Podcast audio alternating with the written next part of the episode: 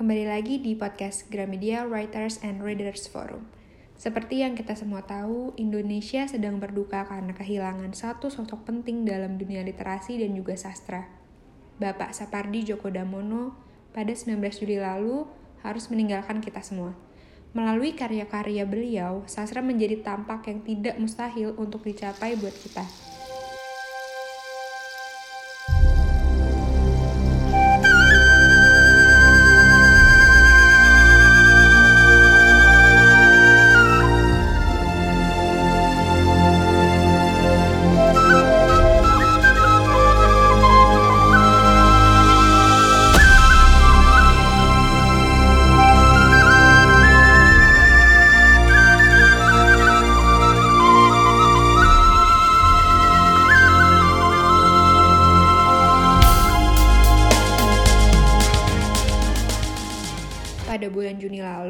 GWRF sudah mengajak Pak Sapardi untuk mengisi podcast.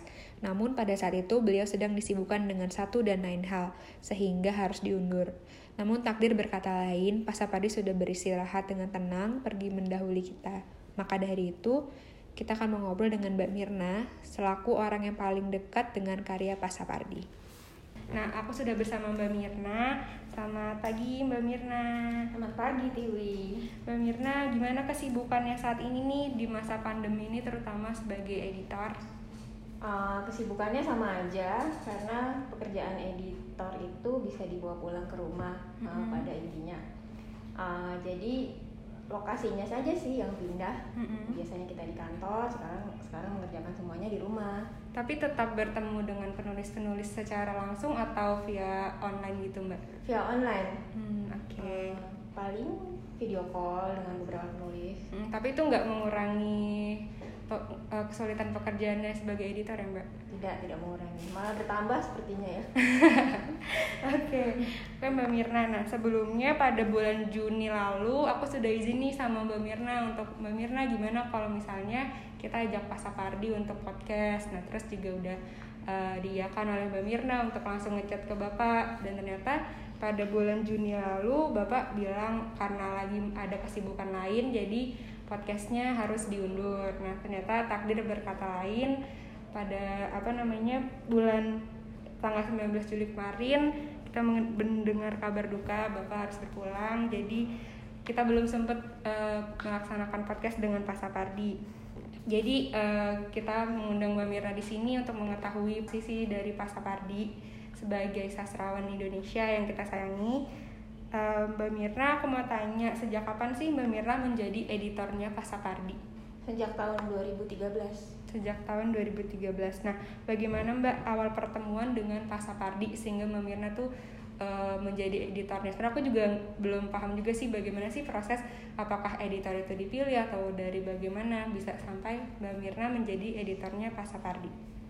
Jadi awalnya itu sebenarnya agak lucu karena saya bikin kesalahan. Kesalahan di uh, salah satu buku penulis Uh, yang depannya tuh halamannya dibuka dengan salah satu puisi uh, larik dari puisinya Pak Sapardi. Aku ingin yang uh, aku ingin uh, mencintaimu seperti api yang menjadikannya abu. Cuman di situ tertulisnya debu. Oke. Terus bukunya sudah cetak. Mm-mm. Eh, apa saya akhirnya memutuskan ke rumah Pak Sapardi untuk minta maaf atas kesalahan itu. Nah, akhirnya saya ke rumahnya Bapak bilang aku ngaku salah. Terus karena Bapak tuh orangnya kan memang baik banget dan. Bapak Bapak waktu itu udah tahu bahwa saya dulu muridnya beliau di UI. Iya. Ya cuman komentar gimana sih kamu nih eh, ngaku murid saya motif puisi salah. Eh, nanti cetakan ke berikutnya diperbaiki ya. Oke Pak, nah dari situ terus ngobrol, ngobrol itu tahun 2013 ya, apa 2003, apa 2012 ya. Mm-mm. Eh, saya tanya buku-buku bapak kok agak susah dicari, bukan agak susah dicari di toko-toko buku. Mm-mm. Hujan bulan Juni terutama yang eh, paling saya sukai kan, itu sul- sulit sekali di- ditemukan. Akhirnya Pak Sapardi cerita ya memang dulu pernah buku-buku bapak itu diterbitkan beberapa penerbit besar, tapi kemudian Bapak memutuskan untuk menerbitkannya sendiri dengan eh, penerbit beliau namanya Editum. Mm. tapi karena mengerjakan semuanya sendiri bapak tuh bayangin nyeting sendiri mm-hmm. terus mengurus percetakannya sendiri ya tentu saja kan uh, dengan kesibukan beliau keterbatasan waktu uh, jumlah terbitan editum ya hanya sedikit mm-hmm. karena sedikit itulah jadi susah dicari akhirnya saya kemudian menawarkan bapak e, pak kalau misalnya hujan bulan Juni diterbitkan oleh GPU bagaimana? Awalnya nggak mau awalnya tuh ya nanti nanti deh gitu. Tapi kemudian uh, balik lagi kantor saya email beliau mungkin ada kali empat atau lima bulan itu berusaha untuk mendekati Pak Sapardi untuk hujan bulan Juninya itu. Akhirnya uh, saya tawarkan uh, kalau kami dapat yang versi hardcovernya itu gimana Pak uh, jadi Bapak tetap bisa yang soft cover uh, untuk diterbitkan di Editum.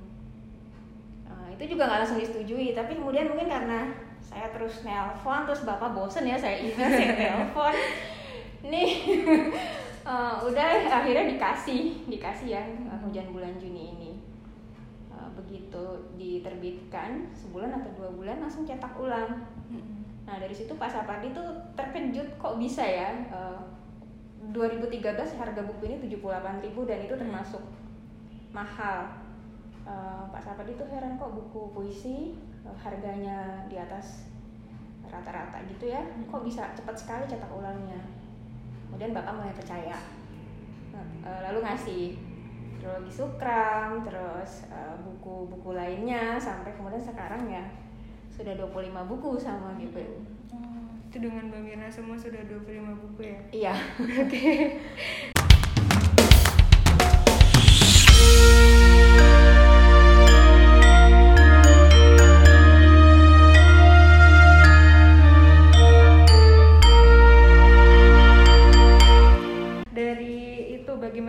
sosok Pak Sapardi di di mata Mbak Mirna? Hmm, sosok Pak Sapardi itu rendah hati banget. Beliau itu kan profesor, doktor, guru besar, semua semua titel akademis yang hebat, mewah dan elit itu kan nempel ya di mm-hmm. di sosok Pak di sosok Pak Sapardi. Tapi uh, ketika bekerja sama dengan beliau tidak ada sedikit pun kesombongan uh, yang beliau tampilkan um, apa namanya sangat enak diajak kerjasama terbuka dengan ide-ide ide-ide untuk bukunya termasuk juga kegiatan-kegiatan marketing hmm. uh, dan gaul gaul banget gaul. makanya iya. Pak Sapardi tuh digandrungi oleh anak para remaja-remaja iya. dan anak muda oh. ya mbak ternyata iya. tuh dari situ karena tidak menggurui dan selalu iya. humble aku juga ternyata tuh Eyang itu untuk membalas semua komen dan lain itu beliau iya, sendiri ya beliau sendiri beliau sendiri uh, dan saya ingat ya karena beliau juga melek teknologi. Bapak lah yang mengajari. Aku memakai ada satu apa perangkat di komputer kami kan sama. Mm-hmm. itu namanya AirDrop. Nah saya tuh nggak bisa pakai AirDrop yang ngajarin Pak Sapardi jadi sekarang tiap kali mau mindahin file mm-hmm. pakai airdrop tuh ingetnya inget bapak deh jadinya ya, jadi aku juga waktu itu pernah kan aku tanya yang kalau misalnya balas-balas komen itu balas sendiri atau gimana yang oh aku balas sendiri nggak ada yang boleh megang iPhone ini katanya kayak iya, gitu benar, ya. oh pantesan nih ternyata uh, banyak banget anak-anak muda karena Pak Sapardi juga selalu merespon dari komen-komen mereka nggak iya. nggak iya. pernah sombong lah gitu. Iya iya benar. Dan terus? Bapak tuh senang pakai emoticon loh. Mm -mm, yang emoticon bunga ya terutama. Uh, emoticon bunga terus uh, apa banyak emoticon yang saya nggak pakai tuh bapak pakai gitu. Mm -mm. terus juga stiker stiker gitu ya.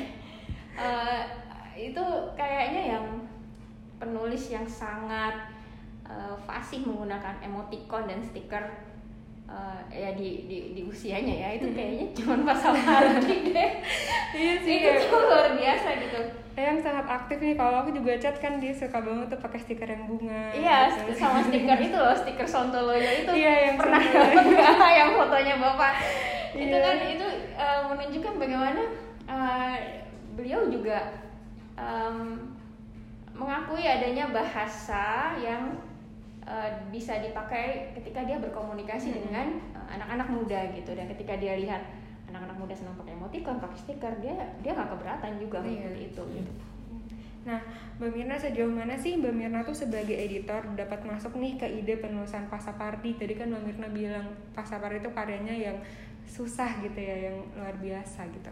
Nah. Yang luar biasa dari Bapak adalah dia mampu menceritakan kembali, membuat sebuah karya dari hal-hal yang pelik, rumit, tapi kemudian dia membahasakannya dengan sederhana. -hmm. uh, jadi pembaca dapat menikmatinya, mengapresiasinya dari berbagai sudut dan aspek jadi ketika misalnya sebuah karya masuk ke saya itu udah tidak susah lagi gitu untuk untuk menikmatinya pertama sebagai hmm. pembaca hmm. uh, mengeditnya pun juga tidak terla tidak susah gitu karena uh, bapak itu ya itu senang bukan senang ya bapak itu sangat enak banget diajak kerja sama. Kalau kayak gitu uh, ada nggak sih mbak karya yang paling lama nih dikerjakan bersama Pak Sapardi? Terus kesulitannya itu tuh apa sampai bikin karya itu lama misalnya dari karya-karya yang karya-karya yang lain? Apa ya? Bapak tuh kan produktif banget kan? Mm-hmm. uh, sampai usia sampai bahkan sampai meninggal tuh bapak tuh tetap produktif dan dia memang pernah bilang pokoknya saya akan menulis sampai saya mati. Uh, ya dan akhirnya memang uh, terjadi kan sampai akhir hayatnya beliau tuh tetap menulis hmm. um, kalau karya yang susah apa ya lama juga apa ya mungkin manuskrip sajak ini tapi bukan hmm. susah dalam hal susah karena pasapardinya gitu hmm. tapi karena pengumpulan uh, prosesnya pengumpulan aja. ya ini di manuskrip sajak ini kan hmm. um, bapak tuh mengumpulkan ini apa puisi-puisi tulisan tangan beliau kan hmm. Oh, nah, itu langsung ini. tulisan tangan ya? Iya ini tulisan tangan. Jadi uh, bapak buka-buka lagi buku. Buku-buku lama beliau. Terus uh, di scan dulu. Mm-hmm. waktu itu uh, ini kerjasama dengan Mbak Indah Cahya Wulan uh, dari IKJ nah ini ini mungkin yang makan proses waktu agak lama yang ini mm-hmm. manuskrip sajak ini. Ya ini satu-satu di scan dan ini tulisan asli bapak. Ini dari tahun 78 oh enggak. Bahkan lebih lama lagi. Ya? tahun 58 ya ini, ini yang paling lengkap. Kalau mau hmm. tahu ini perjalanan penulisan Pak Sapardi ini buku manuskrip sajak ini. Nah ini. Ya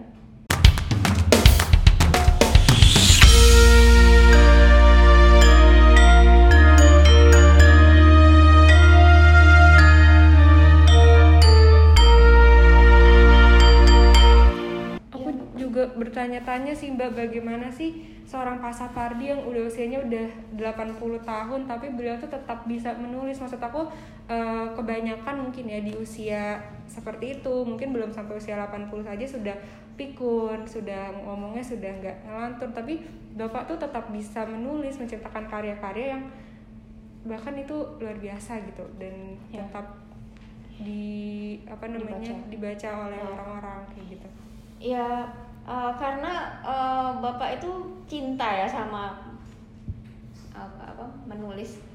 Dulu di twitternya atau di salah satu akun sosial medianya itu pernah kan bionya tuh siapa di Joko Damono guru suka nulis cem-macem. Jadi di situnya dia udah suka gitu kan kalau udah suka kan uh, pasti akan melakukan itu setiap hari. Kayak misalnya nih uh, Tiwi suka sama seseorang. Pasti kan setiap hari ngeliatin Instagramnya gitu kan. Dan bapak tuh karena udah suka menulis ya jadi sejak uh, eh, SMA itu beliau sudah nulis macam-macam dan sudah mempublikasikannya di media massa. Hmm. jadi mungkin karena otaknya terus dipakai gitu kali ya mbak? Jadi ya, dan satu pernah... lagi uh, bapak itu kan uh, memang uh, dosen guru kan. Jadi uh, setiap hari uh, dulu sewaktu masih aktif itu mengajar. Uh, jadi ya selalu ter terrecharge gitu dengan hmm. bacaan bacaannya itu. Dan karena i bapak tuh apa ya seperti nulis tuh udah seperti kebutuhan seperti kita makan gitu. Iya jadi kalau hari butuh oh, nulis. Kalau nggak nulis mungkin sakit. Iya oke. Okay. sebenarnya kalau menurut Mbak Mirna nih uh, tadi kan sampai akhir hayatnya pun Pak Sapardi tetap menulis. Mm-hmm. Ada nggak sih Mbak sekarang tuh apa Pak Pak Sapardi itu memang sedang dalam tahap pengerjaan tulisan atau karya selanjutnya yang sudah direncanakan? Ada ada dua. Mm-hmm. Uh, satu Embul itu kumpulan puisi. Mm-hmm. Satu lagi sosiologi sastra. Jadi yang Embul ini akan diterbitkan 10 Agustus, yang Sosiologi Sastra rencananya September, hmm. itu menjelang tahun ajaran baru. Nah, yang Embul ini spesial banget karena uh, ini buku puisi untuk Ibu Sonya. Untuk Ibu Sonya. Yeah. Aduh, aku tuh kalau melihat Pasapari dengan Ibu Sonya tuh kayak yeah. ampun so sweet banget. So sweet ya. So sweet banget. Uh, Ibunya juga cantik banget. Iya, yeah, itu so sweet. Itu uh, ke mana-mana di selalu selalu sama yeah. Ibu Sonya. Kata anak sekarang relationship goals. Iya. Semoga Ibu Sonya masih dalam keadaan baik. Ya, Ibu sehat, cuman capek. Mm -hmm. Tadi baru, tadi pagi baru WA Hmm, jadi uh, dalam karya itu kan uh, apakah ini belum selesai mbak atau bagaimana atau tinggal tunggu terbit kan? Tinggal tunggu terbit saja. Hmm. Jadi uh, udah selesai sejak bulan April saya terima naskah terbarunya Embul itu hmm. 25 April sudah setting rencananya besok akan turun cetak. Oke, berarti itu khusus ya untuk sang pujaan hati Pasapardi. Iya. Apa ingat puisinya? aku mencintaimu, maka dari itu aku tidak akan berhenti mendoakan keselamatanmu. Iya. Untuk ibu saja. Aduh, iya. sedih. Iya, iya. Aduh, uh, oh iya Mbak. Men menurut Mbak Mirna nih, uh, Mbak Mirna boleh cerita nggak untuk misalnya yang lebih personal, eh, kenangan-kenangan uh, bersama Bapak atau mungkin sebelum berita duka itu muncul apa sih yang paling Mbak Mirna ingat tentang sosok Pak Sapardi? Hmm, banyak banget ya. Uh, Bapak itu penulis yang salah satu penulis yang sangat menghargai editornya. Jadi waktu beliau kan penghargaannya tuh banyak banget kan. Mm -hmm.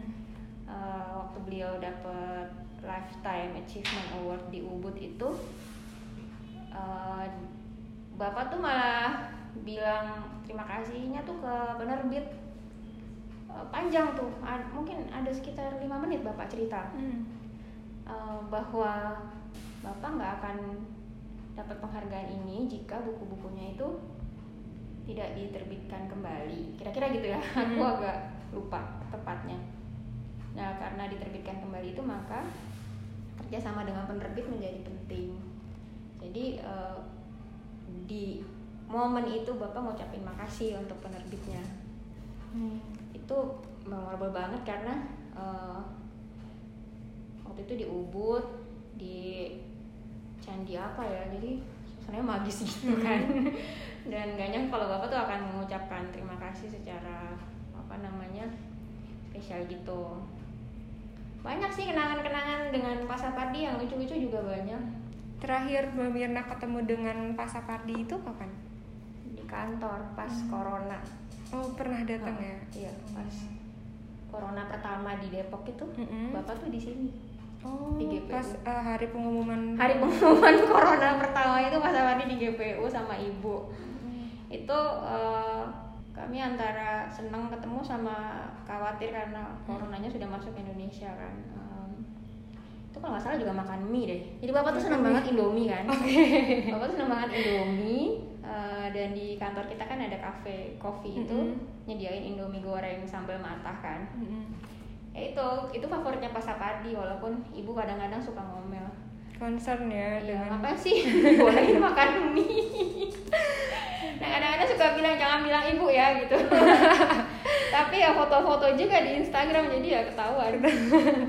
Terus juga waktu itu sempat bikin TikTok dengan Pak Sapardi iya, ya uh, dengan memang uh, sosok yang sangat muda sih iya, Bapak. iya iya.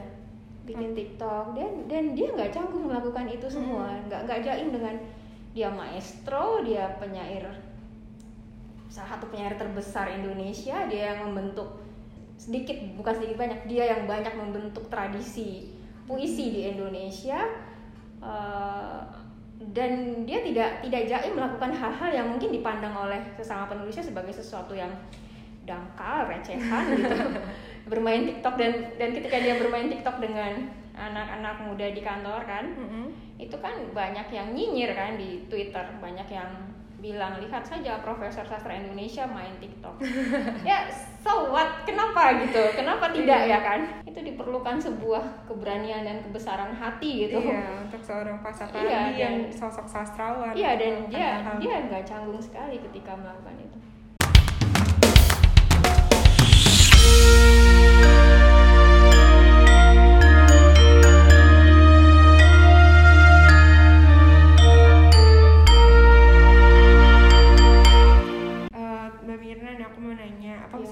Perkataan dari Pak Sapardi yang paling Mbak Mirna yeah. ingat nih untuk yeah. tetap semangat apa ya kemarin tuh saya lihat-lihat lagi chat-chat uh, dengan bapak ya iya chat saya belum belum belum berani buka hmm. uh, saya lihat Instagram Pak Sapardi tuh jadi dia tuh pernah ini bilang gini uh, isi kepala kita adalah buku yang kita baca at sastra GPU jadi yang pegang uh, salah satu adminnya sastra GPU kan saya kan -hmm. itu jadi uh, postingan itu khusus ditujukan ke sastra GPU hmm. Nah ini saya ingat banget isi kepala kita adalah buku yang kita baca. Ini tahu-tahu bapak tuh mau uh, nulis ini di Instagram. Saya lupa konteksnya apa gitu. Mungkin ini nyindir ya. Langsung memeriksa isi kepala saya. Langsung ya. Sama ini nih satu lagi nih Tiwi jadi ada satu foto di Instagram itu yang mm -hmm uh, ini kok artinya jadi lain jadi kan pernah uh, bukan bukan pernah sih ada satu puisinya Emily Dickinson yang mm-hmm. Pak Sapardi juga suka terjemahannya tuh gini kalau orang meninggal fotonya berubah mm-hmm. nah puisi Emily Dickinson itu tuh sekarang tuh berlaku banget ketika saya lihat foto-fotonya bapak di Instagram mm-hmm. gitu nah di Instagramnya Pak Sapardi kan ada beberapa foto saya gitu terus saya lihat ya tanggal berapa ini ya jadi Bapak tuh nulis foto bareng sehabis peluncuran buku sepasang sepatu tua di perpustakaan pusat UI Depok. Oh 13 Maret 2019. Aras Mirna, Mirna dalam kurung editor yang bawa tongkat saya.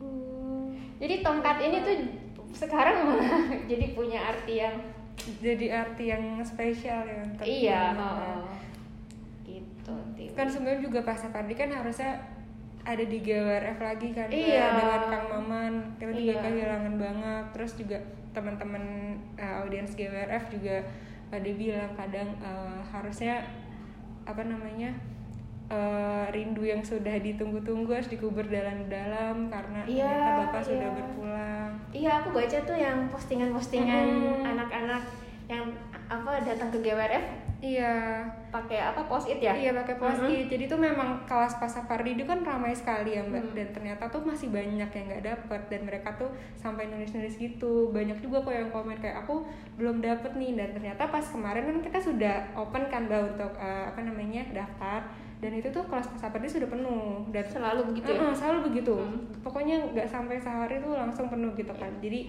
uh, mereka tuh udah pada senang ya ya alhamdulillah uh, kali, uh, kali ini bisa ketemu eyang udah kayak gitu-gitu kayak udah nggak sabar nunggu nggak sabar nunggu kayak gitu-gitu. Akhirnya tapi ya bapak sudah tenang sekarang gitu. Kita juga sempat khawatir kak. Sebelumnya juga sempat sakit kan mbak? Iya. pas masa pandemi itu aku juga aku personally chat eyang gitu kan kayak eyang semoga cepat sembuh gitu. Terus beliau juga uh, ya makasih teman-teman yang sudah doain kayak cucu-cucu dan anak-anak kayak semuanya doain kayak gitu kayak eh, wah ini eyang nih masih sempat balas gitu kan aku juga iya, kayak iya. aduh. Iya.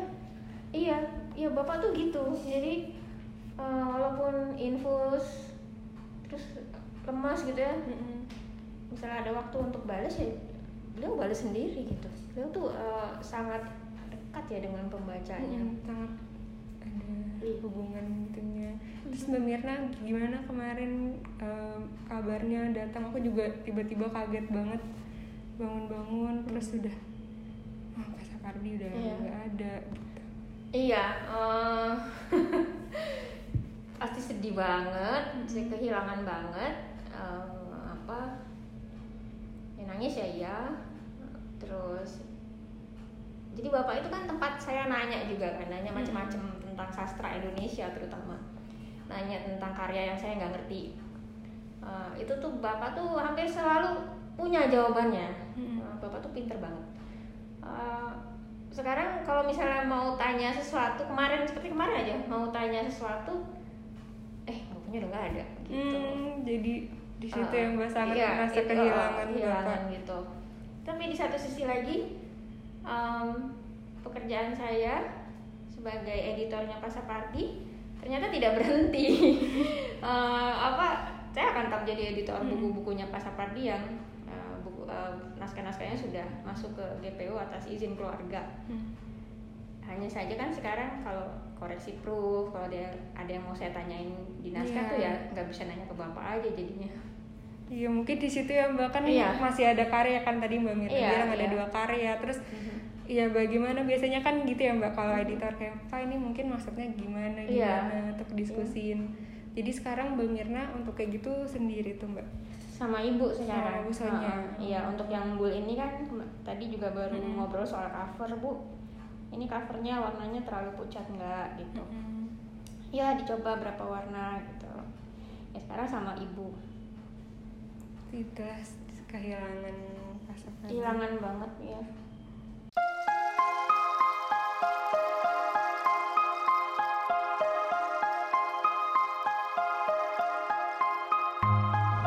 Iya bapak tuh sama ibu tuh bercanda itu lucu gitu. kadang-kadang bertengkar kecil yang romantis gitu bertengkar kecilnya yang kita kalau di kantor itu kan kalau bapak datang tuh hampir semua nyambut beliau kan karena hmm. merasa itu eyang yang datang gitu mm. Michelle sekretariat kami itu bahkan kalau bapak datang tuh nyanyi buat bapak. Bawa ukulele terus nyanyi gitu. Ya gitulah uh, hubungan kami dengan pasar padi itu bukan sekedar penerbit dengan penulis mm. tapi sudah lebih dari itu ya. Yang nganggap bapak nganggap eyang nganggap guru. Nah, jadi beliau pergi tuh kehilangannya luar biasa sekali ya semoga nanti untuk berikut berikutnya tetap sama busonya berarti ya Mbak Mirna tapi tuh selama ini kalau misalnya pas di berkarya tuh busonya tuh ikut ini gak sih Mbak kayak uh, apa namanya mungkin sebagai teman menulis juga gitu atau hanya eh, inspirasi uh, dulu sih pernah cerita mm -mm. ibu pembaca pertamanya mm -mm. tapi kemudian uh, karena bapak tuh kan naskahnya tuh banyak mm-hmm. Dan ibu juga uh, lagi ambil S3 uh, eh, ada beberapa yang dibaca ada beberapa yang langsung dikirim. Um, kalau untuk teknis desain sampul format buku kegiatan marketing langsung sama Pak Sapardi. Ibu biasanya kalau lu pernah cerita tuh saya lupa. Mungkin editor pertamanya Pak Sapardi sebelum ke Mbak Mirna yeah, dari Busonya uh, dulu iya, ya. mungkin ya mungkin gitu uh. oke deh Mbak Mirna uh, terima kasih Mbak Mirna iya sama-sama waktunya menceritakan lagi bagaimana sih sosok Pak Sapardi dari sangat dekat nih dari editor yang ke mana-mana uh, menemani karya Pak Sapardi ya semoga uh, keluarga ditinggalkan ikut uh, Tabah, Mbak Mirna juga semoga kerinduan-kerinduan Pasapardinya walaupun gak akan hilang ya kalau kerinduan mungkin yeah. lebih legowo untuk menerima gitu. Yeah. Yeah. Makasih banyak Mbak Mirna. Terima kasih banyak Tiwi. Nanti uh, kita ngobrol-ngobrol lagi kan harusnya kita ngobrol tentang profesi editor ya. Mungkin nanti next time kita bisa iya, ngobrol-ngobrol lagi. Iya. Boleh ya Mbak Mirna? Iya boleh boleh.